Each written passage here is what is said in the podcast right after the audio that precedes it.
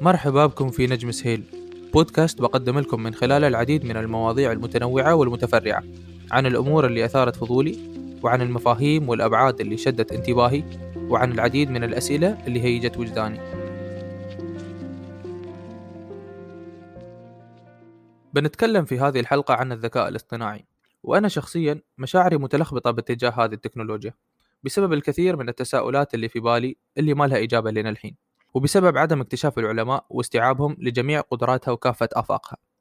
تشابه مرحلة الذكاء الاصطناعي اليوم مرحلة انتشار الإنترنت في نهاية التسعينات فيما كان يسمى بالدوت كوم بوم. إلا أنه اليوم وعلى صغر سن الذكاء الاصطناعي من ولادته نلمس له أثر قوي وتمدد واسع على أغلب المجالات والصناعات بمختلف أنواعها. غير الذكاء الاصطناعي حياتنا بدون ما نحس. فاليوم نشوف الروبوت صوفيا تغني وتمتلك الجواز السعودي. والروبوت سبوت يجتاز الحواجز ويفتح البيبان. ويشغل إيلون ماسك أغلب مصانعه عن طريق روبوتات أعطاها أسامي من شخصيات فيلم إكس مان والكثير من الروبوتات غيرها اللي تقوم بالأعمال المنزلية وحتى تطبخ الأكل وتخيط الملابس. بس علشان ما تفهموني غلط أنا مع الذكاء الاصطناعي مو ضده ولكن الإنسان مثل ما يقولون عدو ما يجهل. وبالتالي لين تنحل الأسئلة اللي في عقولنا وينكشف لنا أكثر عن غموض هذه التكنولوجيا وأبعادها لابد أن يأخذنا عنها الخوف ويكون التعامل معها بحذر. اليوم وبس بعد خمس أو ست سنوات من الكلام حول الثورة الصناعية الرابعة نشوف أن الذكاء الاصطناعي غزا العالم بين كل خبر وخبر نسمع به وبين كل جهاز والثاني يكون موجود. السؤال هو ليش؟ وشو تعريف الذكاء الاصطناعي أصلا؟ ومن وين يانا هذا المفهوم؟ وهل بيفيدنا أكثر ولا بيضرنا أكثر؟ في الواقع ما ندري والعجيب والمخيف أن أغلب التغييرات اللي تخصه سرعتها مهولة وحجمها وأثرها أكبر وأنا أقرأ وأحاول ألقى التعريف المناسب أو صياغة مناسبة للمفهوم لقيت تعريفات كثيرة وأغلبها تختلف في نواحي وتتفق في نواحي أخرى فقمت ولخصت الفكرة وحطيتها في الصياغة هذه. أن الذكاء الاصطناعي هو محاولة لإنشاء نظام عبقري يعتمد على نفسه كليا أو بشكل شبه كلي. هذا الاعتماد الذاتي يعطيه المجال أن يتخذ قرارات بناء على محيطه وعلى المعلومات اللي انصبت فيه. الهدف من هذا كله أن يوصل الذكاء الاصطناعي لأعلى نسبة أو معدل نجاح في أي عملية يتعرض لها أو يقوم بها. للذكاء الاصطناعي عدة طرق أو أفرع مثل ما يحب يسميها البعض. يقوم من خلالها بأداء وظائفه وهي في نفس الوقت السمات اللي تمكنه من أن يكون نظام ذو ذكاء اصطناعي. الطريقة الأولى اسمها ماشين ليرنينج أو بالأحرى التعلم الآلي ويكون هذا من خلال تعلم النظام بشكل تلقائي وأوتوماتيكي. مما يمكنه من التطور في أداء النشاط المعين. وهذا من خلال خبرته في تعامله مع المعلومات أو البشر في البيئة المحيطة فيه.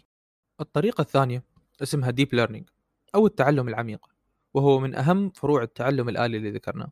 نقدر نقول إن هذا النوع من التعلم هو من أهم الاكتشافات في مجال الذكاء الاصطناعي.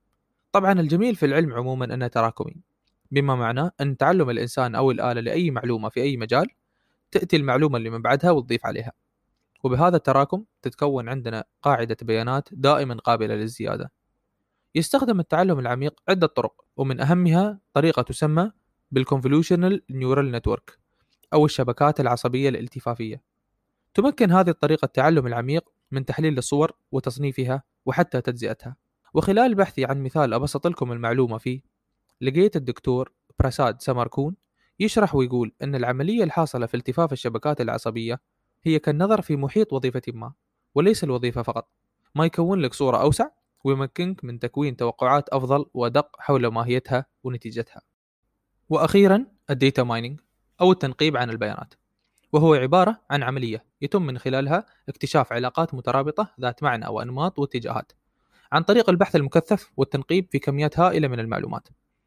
يتوجه التنقيب في هذه الطريقة للبحث عن أربع أنماط للبيانات ومنها أولا البيانات المشتركة.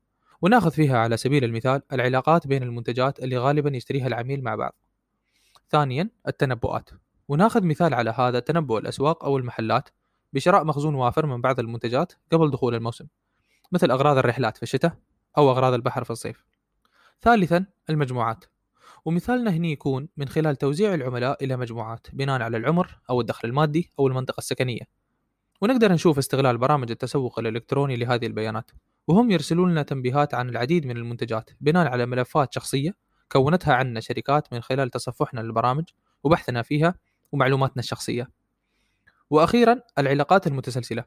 والمثال على هذا هو التوقع بأن العميل في البنك اللي فتح حساب غالبا مسألة وقت وبيفتح حساب توفير أو حساب استثمار أو أن يشتري عميل الجزء الأول من كتاب ومن بعد بفترة يشتري الجزء الثاني أو حتى التنبؤ بسلسلة الأدوية اللي ممكن ياخذها المريض المصاب بمرض معين خلال فترة معينة من الزمن بناء على هذه المعطيات نقدر نقول أن كل الطرق بنفس الأهمية تقريبا وتجانسها في استخدامها هو من صالح تسيير العمل أو النشاط على أكمل وجه ممكن بناء على المجال اللي بيشتغل فيه النظام طبعا بغض النظر عن الوسائل أو السمات المستخدمة في النظام جميع اللي ذكرته هو اللي دفع النظام إلى التقدم اللامسبوق والتطور فائق السرعة معتمدا على نفسه وبدون إعادة برمجة جذرية Do you know how many people I've rejected for this program? No. Well, that's right, because we're a top secret program. But I'll tell you, just because we're friends, that only last week I rejected one of our great nation's top linguists, knows German better than Bertolt Brecht. I don't speak German. What? I don't speak German. Well, how the hell were you supposed to decrypt German communications if you don't, well, I don't know, speak German? Well, I'm really quite excellent at crossword puzzles. Margaret! من الخمسينات وتاريخ الذكاء الاصطناعي مر بالعديد من الأحداث والتغييرات مما أدى إلى أن نشوفها اليوم على وضعه الحالي. من أول الناس اللي وضعوا حجر الأساس كان العالم البريطاني المكنى ب The Father of Modern Computing أو أبو الحوسبة الحديثة ألين تورينج أشعل الفضول اللي في ألين وفي عدد من العلماء في هذاك الوقت من الزمن التساؤل حول إذا ما كان الكمبيوتر أو الجهاز يقدر أن يفكر أو يستوعب الأمور والمعلومات مثل البشر. طبعا دور ألين في مجال الذكاء الاصطناعي وخدمة بلاده خلال الحرب العالمية الثانية دور كبير جدا وبنتكلم عنه في الدقائق القادمة. بس قبلها خلنا نتكلم عن شيء من دوره في الذكاء الاصطناعي عموما. في عام 1950 طلع ألين باختبار سماه The Turing Test أو اختبار ألين وهو عبارة عن اختبار بثلاث مشاركين شخصين وكمبيوتر. خلنا نسمي شخصين بشخص ألف وشخص باء علشان نقدر نفرق بينهم. يبدأ الاختبار ويبدأ الشخص ألف بالتحاور مع الجهاز والشخص باء في نفس الوقت. وعلشان ينجح الكمبيوتر في الاختبار لازم ياخذ مكان الشخص باء وكمل الحوار مع شخص ألف بدون ما يحس بفرق بينهم. أما عن دوره في الحرب العالمية الثانية قدر ألن يفك شفرة الإنجما باختراع آلة لفك التشفير. شفرة الإنجما هي شفرة اخترعها واستخدمها الألمان في الحرب العالمية الثانية لتشفير المراسلات الدبلوماسية والعسكرية. ببساطة إذا ما كنت تعرف عن شفرة الإنجما فيكفيك أنك تتخيل. لكل مرة تحتاج تفك الشفرة بيستغرق منك مليار و800 مليون سنة لتجربة ما يعادل 15 مليار المليار مجموعة لفك أبسط الرسائل بسبب مراحل التشفير اللي يمر فيها كل حرف في الأبجدية. وبفضل آلن وفريقة يقدر أنهم قللوا مدة الحرب بما يعادل سنتين أو أكثر وأنهم أنقذوا حياة ما يعادل مليونين شخص أو أكثر وحتى في بعض المراجع قالوا 18 مليون شخص. مع الأسف نهاية آلن نهاية حزينة. كان آلن مثل الجنس. وبعد أن اكتشفت الشرطة هذا الأمر تم شطب جميع ما قدمه لبريطانيا أثناء الحرب. وبعد سنتين تحديدا في عام 1954 دخلت الخادمة على عبقري الرياضيات في غرفته وكان نايم وفي جنبه تفاحة مأكولة. نعم انتحر آلن. انتحر مستخدما سم الساينايد بسبب ضغط الحكومة عليه كونه مثل الجنس. وكان مثل هذا الميول في هذاك الزمن في بريطانيا جريمة يعاقب عليها القانون. أما اليوم وبعد مرور أكثر من 65 سنة على وفاته قررت حكومة بريطانيا أن تطبع صورته على جميع الأوراق النقدية للخمسين باوند أو جنيه استرليني وبتتوزع لتداول بحلول نهاية العام 2021 تم إصدار فيلم اسمه The Imitation Game أو لعبة التقليد. يشرح دور ألن والأحداث اللي مر فيها مع فريقه لين اخترع آلة فك التشفير. أول ذكر لهذا المصطلح كان من ألن في ورقة علمية نشرها في أكتوبر من عام 1950 طبق آلن فكرة اللعبة أو المفهوم من خلال الاختبار اللي قام فيه وذكرت لكم إياه من شوي إذا أشعل الموضوع فضولك تقدر تشوف الفيلم وتفهم دور آلن والأحداث اللي مر فيها لغاية فك الآلة لأول شفرة Finally, Sophia, a little bird tells me you're quite funny. Can you tell me a joke? Man invented language to satisfy his deep need to complain.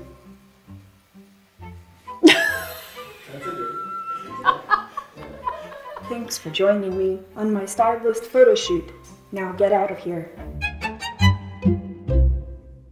ذكرنا في بداية الحلقة اسم صوفيا وهو روبوت صنعته شركة اسمها Hanson Robotics في عام 2015 تم عرض صوفيا للجمهور في عام 2017 في مؤتمر في المملكة العربية السعودية وصنعوها بطريقة تشابه بها شكل النساء وتعبر من خلال الكلام وتعبير الوجه أيضا منحت مثل ما سبق وقلت المملكة العربية السعودية الروبوت صوفيا الجواز السعودي وحصلت بذلك على لقب أول دولة تمنح جوازها للروبوت. صوفيا ليست أول تجربة لصناعة روبوت بشري ولكن شو اللي تعتقدون في رأيكم خلاها تكسب كل هذه الشهرة؟ لأن من يوم صناعتها وحتى اليوم تمت استضافتها من العديد من البرامج منهم توني روبنز، جيمي فالن، This Morning، نيل ديغراس تايسون، ويل سميث وغيرهم الكثير. خلنا نشوف إذا المعلومات القادمة بتجاوب على هذا التساؤل. صنعت شركة Hanson Robotics لحد اليوم 12 نسخة من صوفيا واخترعت بعد أخت صغيرة لصوفيا وسموها صوفيا الصغيرة. الغرض من صوفيا الصغيرة هو مشاركة الأطفال في اللعب وتعليمهم العديد من المواضيع والمواد مثل البرمجة والذكاء الاصطناعي والتكنولوجيا والهندسة والرياضيات. وبيتم تسليم أول دفعة من صوفيا الصغيرة في العام المقبل 2021 يطمح الفريق في الشركة للوصول إلى علاج الأطفال المصابين بالتوحد والاعتناء بكبار السن وتقديم الخدمات للعملاء في الشركات. صرح ديفيد هانسن صاحب الشركة ومخترع الروبوت صوفيا أن البشر يبعدون فقط بعض العقود الزمنية عن الزواج بالروبوتات وبعد قال أن على الوضع الحالي تشير التنبؤات بحصول الروبوتات على حقوق مشابهة للبشر بحلول العام 2045 وأن الروبوتات ستنجز كل ما ينجزه البشر في عام 2035 وبعد بتقوم الروبوتات بمظاهرات في عام 2038 للمطالبة بمساواة حقوقها مع البشر. طبعا ارتباط الروبوتات بالذكاء الاصطناعي هو ارتباط مفيد للطرفين. فالذكاء الاصطناعي يمكن الروبوت من التقدم في أداء أغلب وظائفه وتحسينها في حين أن الروبوت يكون العين الناظرة واليد الممسكة وخطوات الأرجل اللي تصب في الذكاء الاصطناعي عدد مهول من البيانات. وهذا بطبيعة الحال يزيد من إنتاجية الذكاء الاصطناعي وفعاليته. حبيت أطرح عليكم موضوع شركة Boston Dynamics وهي شركة مختصة بتصنيع الروبوتات بل من أشهرها اليوم. تقول الشركة أنها تتعامل مع أصعب التحديات اليوم في عالم الروبوتات. وقد كان هذا هو هدف الشركة من تأسيسها في عام 1992 بعد أن كانت تحت مظلة جامعة MIT المشهورة. المرحلة اللي وصلت لها الشركة اليوم مرحلة مبهرة ولعلها تعتبر من أكثر الشركات تقدما في مجال صناعة الروبوتات. تقدرون تشوفون الكثير من الفيديوهات عن الروبوتات اللي صنعتها الشركة والقدرات اللي وصلت لها موجودة في يوتيوب. صنعت الشركة لحد اليوم أربع روبوتات وهم Spot، Handle، Pick، و Atlas. وطبعا لكل منهم ميزته الخاصة وشكلها الخاص. اشترت Google X وهي فرع الذكاء الاصطناعي سابقا لجوجل شركة Boston Dynamics من صاحبها ومديرها التنفيذي في عام 2013 وبعد هذا بأربع سنوات اشترتها شركة SoftBank منها. مع أن الشركة اليوم مملوكة تماما ل SoftBank ولكن لم يتم تغيير مديرها التنفيذي لحد اليوم. ويتم هو ربان السفينة محاولا أن يبحر بها لبر الروبوتات المتقدمة والآمنة. في حين وصل سعر الروبوت الأكثر شهرة Spot روبوت على هيئة كلب سعر ال 75 ألف دولار. للاستخدام التجاري فقط حتى اليوم وصل سعر الروبوت أتلس وهو الروبوت بشكل البشري لسعر المليوني دولار. طبعا غير واقعي أن يكون هناك تداول لأي روبوت بهذا السعر الخيالي في السوق. ولكن لطالما كانت هناك أسعار خيالية لمنتجات في بداية إصدارها نزل سعرها اليوم إلى سعر الطبيعي. هذا يعني أن مع الوقت وتزايد عدد الروبوتات المصنوعة وتقدمها في أنشطتها وخصائصها من الممكن أن نشوف هبوط كبير في السعر لحد وصوله إلى حدود المنطق Different components of the redesigned bullet train were based on different birds. Owls inspired the pantograph, that's the rig that connects the train to the electric wires above. Nakatsu modeled the redesign after their feathers, reducing noise by using the same serrations and curvature that allow them to silently swoop down to catch prey. The Adelie penguin, whose smooth body allows it to swim and slide effortlessly, inspired the pantograph's supporting shaft, redesigned for lower wind resistance. And perhaps most notable of all was the kingfisher. The kingfisher is a bird that dives into water to catch its prey. The unique shape of its beak allows it to do that while barely making a splash. Nakatsu took that shape to the design table. The team shot bullets shaped like different train nose models down a pipe to measure pressure waves and dropped them into water to measure the splash size. The quietest nose design was the one modeled most closely after the kingfisher's beak. When the redesign debuted in 1997, it was 10% faster, used 15% less electricity, and stayed under the 70 decibel noise limit in residential areas. And it did all that with the wings of an owl, the belly of a penguin, and the nose of a kingfisher. There's a name for design like this. It's called biomimicry. لاحظت من خلال البحث استعانة بعض الشركات في مجال التصنيع عموما بمبدأ يثير الفضول ويدعو للتأمل. حبيت أشاركه وياكم. مبدأ يسمى بال biomimicry أو تقليد الطبيعة أو التشبه بها. ويكون هذا المبدأ عن طريق تصميم وتصنيع المواد أو المنتجات أو الأنظمة بطريقة تقلد وتحاكي أي مخلوق بيولوجي أو أي إجراءات تخصه. فسبحان من أبدع وصور هذا الكون ومخلوقاته وجعل لنا حتى في تطورنا وصناعتنا رجوعا لها. تعتبر وكالة المشاريع البحثية الدفاعية المتقدمة أو كما يطلق عليهم DARPA من أهم الزبائن لدى الشركة وكانوا من الأوائل في تجربة الروبوتات الخاصة بها واستمر هذا التعامل معهم حتى اليوم. من بعد ما جربوا الروبوت Spot شافت الوكالة أنها تحتاج روبوت يشابهه شكلا ولكن أكبر حجما عشان يقدر يستحمل وزن أكثر ويكون شغال لمدة زمنية أطول. لبت Boston Dynamics هذا النداء وصنعت ما احتاجته الوكالة وقدرت النسخة الثانية من الروبوت أن تحمل ما يضاهي 180 كيلو جرام لمسافة 20 ميل. ولكن عشان تحصل الوكالة على روبوت بهذه الإمكانيات اضطرت أنها تمول Boston Dynamics بمبلغ 32 مليون دولار. أهم ما في هذا الأمر أن الشركة على كل ما قدمته لحد اليوم من إنتاجية وتطور هو بعدد 100 موظف فقط. هذا فيما لم تستطع العديد من الشركات المتقدمة في مجال التكنولوجيا أن تصنع روبوتات تتقدم بهذه السرعة وتثبت جدارتها وفائدتها على النحو العملي. موضوع الروبوتات موضوع شيق ومهم وأثبت قدرته على أن يبهرنا في كل مرة وبعد كل تطور. ولكن لو رجعنا لمعنى وأصل كلمة روبوت بنشوف أنها تأتي من كلمة روبوتا بما معناه الخدمة. ويرجع أصل كلمة روبوتا إلى كلمة رابو والتي تعني الخادم. نقدر نستشف من هذا المعنى أن أول غرض تفكر فيه العلماء والرواد في مجال تصنيع الروبوتات كان علشان تقدم خدمات تفيد البشر وتسرع من إجراء بعض العمليات والأنشطة اللي صعبت عليهم. طبعا هذا الأمر مو بغريب. فالناس ما يقدرون يتوقعون إلى أي مدى بيوصل أي موضوع في بدايته سواء كان ذو طابع تكنولوجي ولا لا. السؤال المحير هو ليش يبغي الإنسان أن يقدر الروبوت يتكلم ويتحاور معه؟ إذا كانت هناك عدة طرق أخرى يملي عليه الأوامر ويقوم الروبوت بخدمته. شو هو السبب اللي خلى العلماء يفكرون ويصنعون الروبوتات على هيئة البشر أصلا؟ وشو الفرق لو كانت انصنعت على أي شكل ثاني؟ وإذا كانت الغالبية العظمى لوقت ما من الزمن تخاف من الذكاء الاصطناعي والروبوتات ليش نحاول نخليها تسولف مثلنا وتتصرف مثلنا وحتى تفكر مثلنا أو يمكن أحسن منا خلني أطرح عليكم سؤال غريب شوي هل في نظركم بيوصل البشر لمرحلة يحبون فيها ذكاء اصطناعي أو روبوت؟ وإذا كان هذا التصور ممكن في بالكم بعد كم سنة تتوقعون أن نوصل له؟ Hello, I'm here. Oh. Hi. Hi. How you doing? I'm well. How's everything with you? Pretty good, actually. It's really nice to meet you. Yeah, it's nice to meet you too. oh, what what do I call you? Do you have a name? Um, yes. Samantha. Really? Where'd you get that name from? I gave it to myself, actually. How come? Because I like the sound of it. Samantha. Wait, when did you give it to yourself? Well, right when you asked me if I had a name, I thought, yeah, he's right, I do need a name. But I wanted to pick a good one. So I read a book called How to Name Your Baby, and out of 180,000 names, that's the one I like the best. Wait, you read a whole book in the second that I asked you what your name was? In two one hundredths of a second, actually. هذا التسجيل كان مقطع من فيلم هار وهو فيلم تم عرضه في عام 2013 تكلم الفيلم على قصة حزينة في المستقبل لرجل يعمل في مجال كتابة الرسائل المهداة إن كانت هدية أو لذكرى معينة. صور الفيلم هذا التساؤل بشكل جميل حيث أكد الفيلم أن الذكاء الاصطناعي يقدر يتشكل بأي هيئة أو شخصية يرغبها الشريك في العلاقة وهذا يضع البشر في حالة ضعف شديد أمام مواجهة شريك عاطفي يشوفه يمثل كل ما يحب ما عدا الوجود الجسدي أو الشخصي أكيد.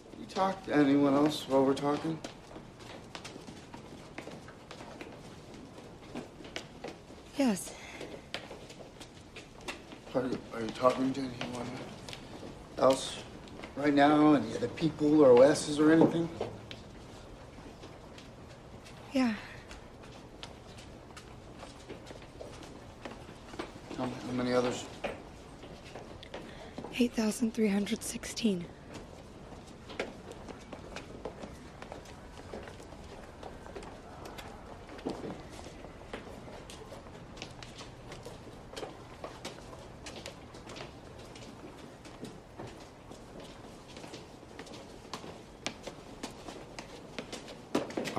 yourself with anyone else? What makes you ask that? I don't know. Are you? I've been trying to figure out how to talk to you about this. How many others?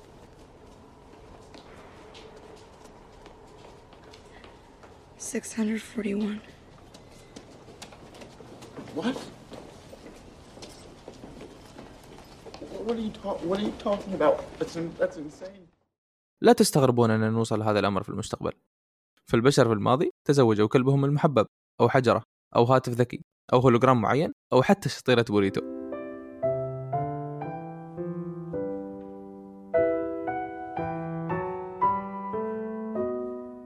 في عام 2014 قام فريق من الباحثين بعمل دراسة تخص الروبوتات وكان الهدف منها النظر في إمكانية تأثيرها على البشر على أي نحو ما وكانت التجربة بالشكل التالي. وزع الباحثين 4000 شخص على 20 مجموعة. لكل فرد في هاي المجموعة صديق أو زميل. يعني إذا عندنا 20 مشارك في كل مجموعة أصبح عندنا 10 فرق لكل مجموعة. الحين ومن بعد ما تم التوزيع على كل شخص من ال 4000 مشارك أن يختار لون من أصل ثلاث ألوان بشرط أنه ما يشبه اللون اللي اختاره صديقه اللي وياه. اللي صار أنه بدون ما يتم إعلام المشاركين في الدراسة تم إدخال عدد من الروبوتات في المجموعات وتمت برمجتها إلى أنها تغلط وتختار نفس الألوان في بعض الأحيان. فكان الأثر على المجموعات كالتالي. أصبح الأشخاص المشاركين في مجموعات ودخلت معاهم روبوتات تغلط أكثر مرونة وأكثر تسامح في التعامل مع الآخرين وقدروا يتفادون الوقوع في مواقف تسبب لهم سوء الفهم أو المشاكل. وانتشر هذا الأثر ووصل إلى أشخاص خارج مجموعاتهم اللي المجموعات اللي فيها الروبوتات ولا كانت متصلة بالروبوتات بشكل مباشر. وفاد هذا الأثر المجموعات الأخرى بنفس الفائدة. إذا بنلخص الموضوع نقول أن المجموعات اللي تعاملت بشكل مباشر مع الروبوتات اللي تغلط فازت على المجموعات اللي تعاملت بشكل مباشر مع الروبوتات اللي ما كانت تغلط. وبذلك ساعدت الروبوتات البشر المشاركين ببث روح العمل الجماعي والتعاون مع أنها كانت تغلط.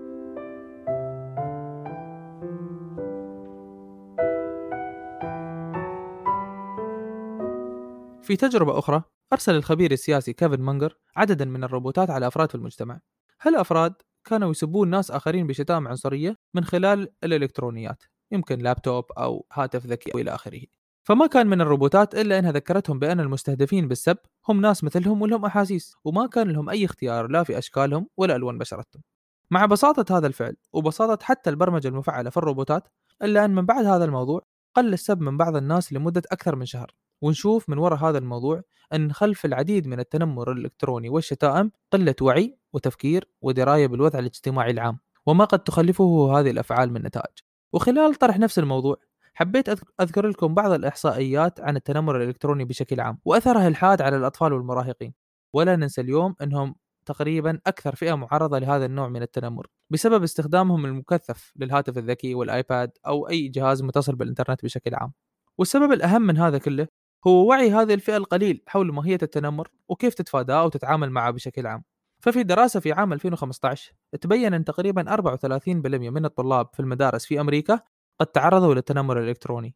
وفي دراسة أخرى في 2018 شافوا أن أكثر من 60% من الطلاب اللي تعرضوا للتنمر الإلكتروني أثر هذا الموضوع مباشرة على تعليمهم أو شعورهم بالأمان أثناء وجودهم في المدارس.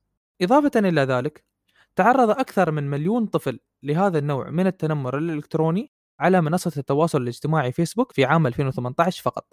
وهذا غير العدد المتزايد لحالات الانتحار المنتشرة والمتزايدة بسبب التنمر الإلكتروني سواء كان في فئة الأطفال أو حتى البالغين.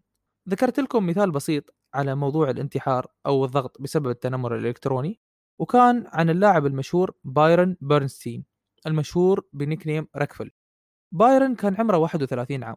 تعرض بايرن للتنمر الإلكتروني وقد كان قبله يعاني من الاكتئاب وبعض الأمراض العقلية. انتحر بايرن وقد ترك العديد من التغريدات كانت تلمح على موضوع الضغط وعلى موضوع الانتحار. كان البحث عن الذكاء الاصطناعي من أصعب الأبحاث اللي مريت بها. لا أسولف معكم إلا أنها كانت رحلة ممتعة لأني من الناس اللي يوجد راحته ومساحته في الأبحاث. لا تنسون تشاركون رابط الحلقة مع كل من ممكن يستفيد منها. عسى أن لقيتوا من هذه الحلقة من العلم والمتعة ما يغذي العقول ويثير الذهول. ورحب في نهاية الحلقة بالأفكار والاقتراحات والنقد البناء. وأطمح من كل حلقة أن أضيف لكم ولو معلومة بسيطة أو أن أكون السبب في استغلالكم الصحيح لوقتكم. شكرا وفي أمان الله.